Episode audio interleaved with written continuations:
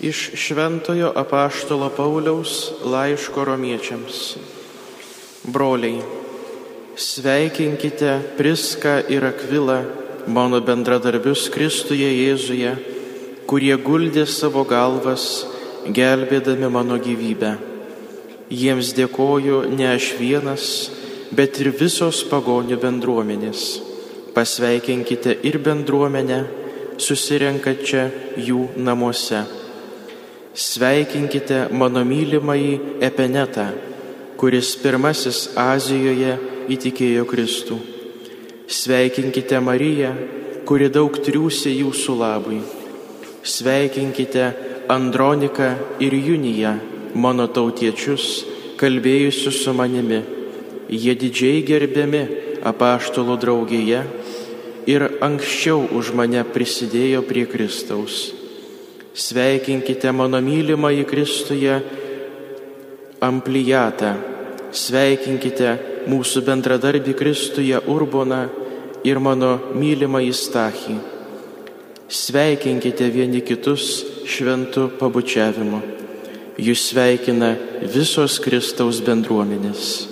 Aš, Tercijus, šio laiško surašytojas, sveikinu jūs viešpatyje. Jūs sveikina Gajus, mano ir visos bendruomenės šeimininkas. Jūs sveikina Erastas, miesto išdininkas ir brolis Kvartas. Tam, kuris gali padaryti stiprius, kaip sako mano Evangelija ir Jėzaus Kristaus kelbimas, sekant apreiškimu paslapties, nutilėtos per amžinuosius laikus, o dabar atskleistos ir pranašų raštais amžinojo Dievo įsakymų paskelbtos visoms tautoms, kad jos paklustų tikėjimui vienam išmintingajam Dievui per Jėzų Kristų šlovė amžių amžiais. Amen. Tai Dievo žodis. Dėkojame Dievui.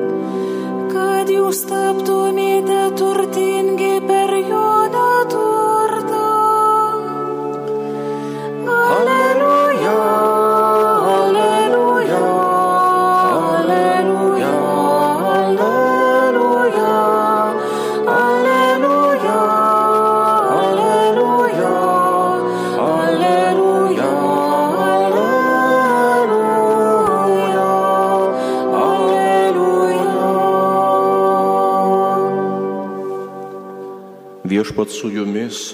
ir su tavimi. Pasiklausykite Šventojios Evangelijos pagal Luką. Garbė tau viešpatie. Jėzus kalbėjo savo mokiniams, darykitės bičiulius apgaulingą mamoną, kad galui atėjus jie priimtų jūs amžinasias padangtas.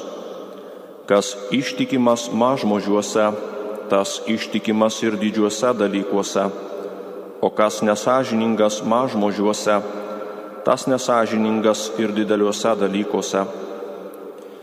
Jei tad jūs nepasirodėte patikimi, tvarkydami apgaulingą mamoną, tai kas patikės jums tikrasias vertybės?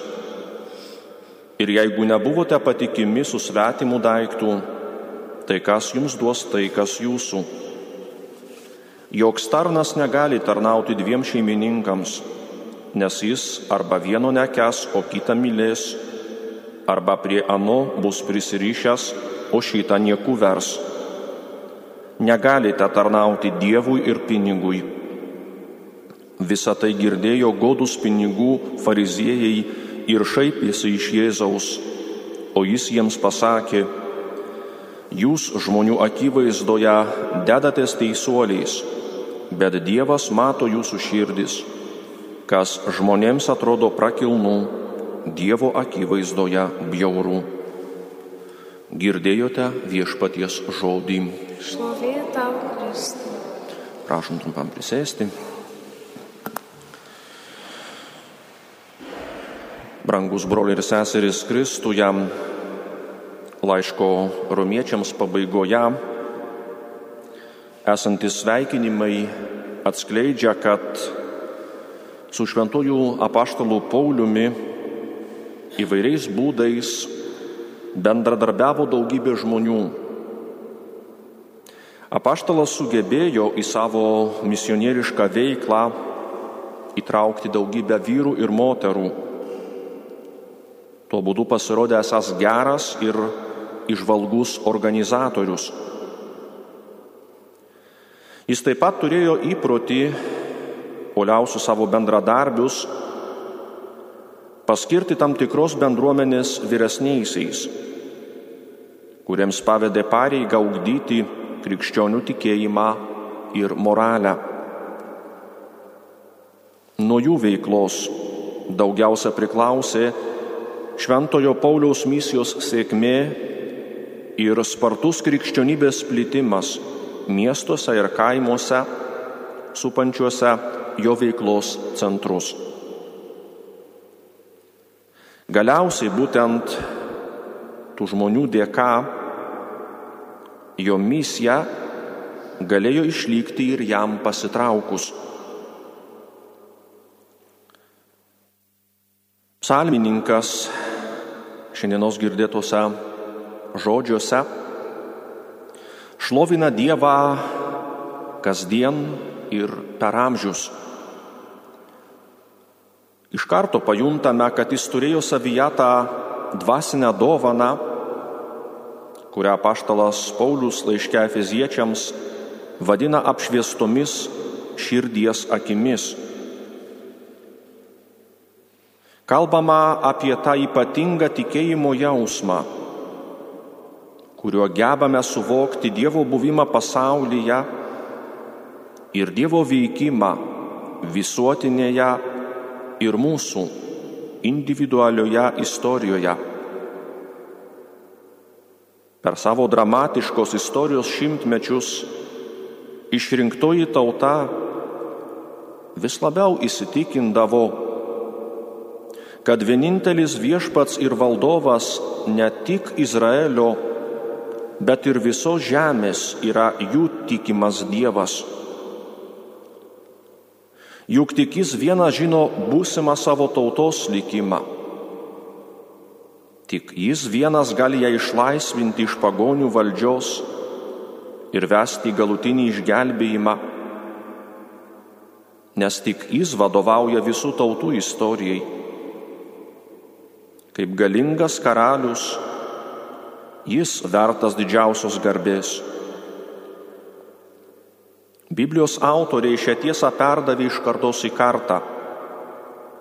Jie aprašė Izraelio istoriją, kurioje Dievas nekarta atskleidė savo rūpestį savo tautą.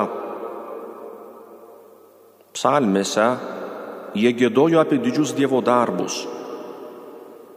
Todėl šiandien galime prisijungti prie jų šlovinimo giesmių ir kartu su jais švęsti Dievo, karaliaus ir gelbėtojo didybę ir gerumą. Apžvelkime taip pat šios dienos Evangeliją. Po palyginimo apie apsukrųjį prievaizdą evangelistas pateikia mums keletą Jėzaus nurodymų. Viename iš jų sakoma, kad kiekvienas žmogus parodo save tokį, koks jis yra, kai atlieka savo pareigas. Vienos iš jų yra nedidelės svarbos, kitos labai svarbios. Tačiau tas, kuris ištikimas mažame dalyke, bus ištikimas ir dideliame. O kas nesažiningas mažame dalyke, bus nesažiningas ir dideliame. Žmogus, kuris gerai atlieka visas mažas gyvenimo užduotis, sąžiningai atliks ir didelės užduotis. Nes mažuose dalykuose jis išmoko sažiningumo, darbštumo, ištikimybės. Todėl svarbu viską gyvenime daryti gerai ir sažiningai. To reikia mokyti ir kitus, ypač vaikus nuo mažens gerai atlikdami mažus vaikystės darbus, jie išmoks gero požiūrio į būsimas gyvenimo užduotis, įskaitant tas, kurios bus susijusios su būsimų santokinių ir šeimininių gyvenimu. Sažiningas mažiausių pareigų atlikimas jautrina sąžinę ir gerai ją formuoja. Jei tad valdydamas nedorą mamoną nepasiteisinsi kaip ištikimas, kas tau patikės tikrai gėri. Turtuolio prievaizdas neįrodė esas ištikimas valdydamas savo turtą arba nedorą mamoną. Dėl šios priežasties šeimininkas ne tik nepatikėjo jam jokios naujos užduoties, bet ir atleido Kaip jis galėjo jam patikėti naują užduotį, kai matė, kad jis nėra sąžiningas žmogus, kurio būtų galima be baimės pasikliauti. Brangiai visas mūsų žemiškasis gyvenimas yra mūsų ištikimybės Dievui ir žmonėms išbandymas. Laimiai Jis taip pat yra laikas, kuomet galime mokytis šios ištikimybės. Net jei tam tikrą laiką, tam tikrą gyvenimo laikotarpį nebuvome ištikimi Dievo mums patikėtoms užduotims, galime radikaliai pakeitę savo gyvenimą parodyti jam tikrą ištikimybę visose dalykuose. Įvykus tokiam pokyčiui, jis neprimins mums mūsų neištikimos praeities. Jei svetimo turto valdyme nepasiteisinsi, kas tau atiduos savąjį? Kad suprastume šio Jėzaus klausimo turinį, galime įsivaizduoti turtuolį, kuris svarsto, kam padovanoti ar palikti savo turtą. Jis neturi savo vaikų, todėl svarsto, kas galėtų gauti nuo savybėn jo didelį turtą, kas jo neišvaistytų. Prieš atiduodama savo turtą kokiam nors asmeniui įstebi jį Pavyzdžiui, kaip jis atlieka jam patikėtas užduotis ir darbus, ar yra sąžiningas, ar neišvaistys jam patikėtų gyrybių, kaip Jėzaus palyginime minimas valdytojas. Jei jis pastebės, kad kas nors blogai dirba kitam žmogui, nėra ištikimas valdant svetimą turtą, jis nesiriš suteikti jam nusavybės teisę į savo turtą. Kaip sakiau, vėl kartojos, gyvenimo žemėje laikotarpis yra išbandymas. Ar amžinybėje sugebėsime gerai atlikti tas užduotis, kurias Dievas mums patikė, panašiai kaip jis patikė angelams rodyti įvairias pagalbos formas kitiems kūriniams. Tik tie, kurie žemėje su meile vykdo Dievo jiems patikėtas užduotis. Su panašia meile vykdys ir kitas užduotis, kurias jis jiems patikės amžinybėje. Toliau Jėzus moko, jog tarnas negali tarnauti dviem šeimininkams. Jis arba vieno nekes, o kitą mylės, arba su vienu laikysis, o kitą niekins. Negalima tarnauti Dievui ir mamonai. Kiekvienas iš mūsų pasirenka savo gyvenimo šeimininką ir jam tarnauja pasirinkdami šeimininką, kartu perimame ir jo vertybių hierarchiją. Jei savo valdovų pasirenkame Dievą, jei Kristų padarome savo karaliumi, perimame jo visko vertinimą. Pagal šį vertinimą didžiausių ir svarbiausių dalykų gyvenime tampa meilė Dievui ir kitiems. Kita vertus, bet kokia nuodėmė bus laikoma atgrase, nes jis susilpnina arba visiškai sunaikina meilę.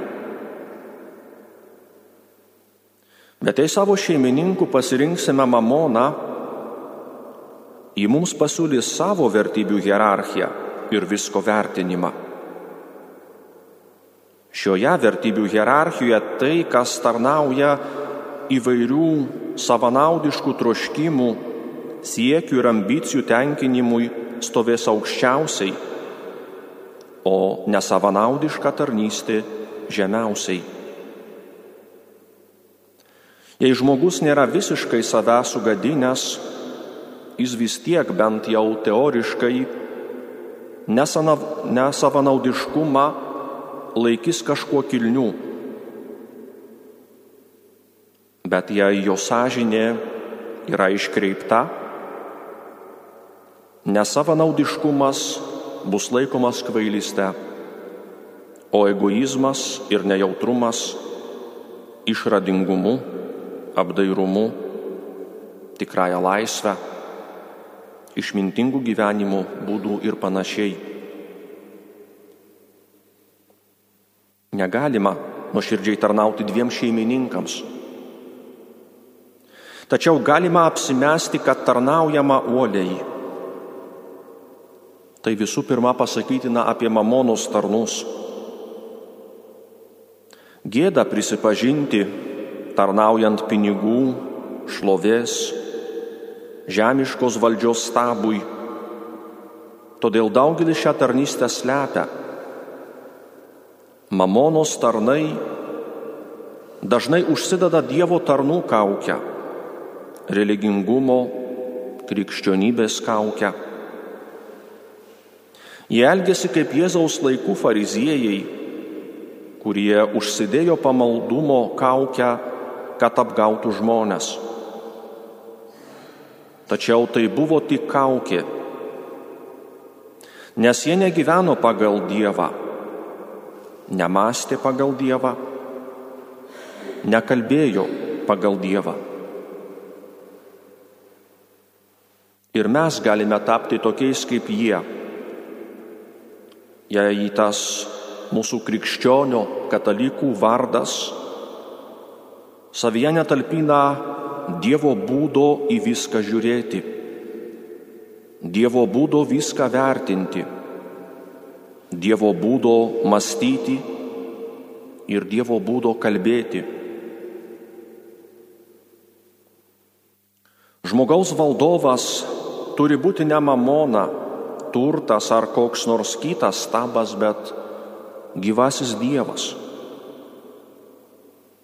Tačiau kai kas nors atmeta Dievo viešpatavimą, visada tampa kito stabo ir šetono tarnų ir bando nesažiningais būdais valdyti kitus.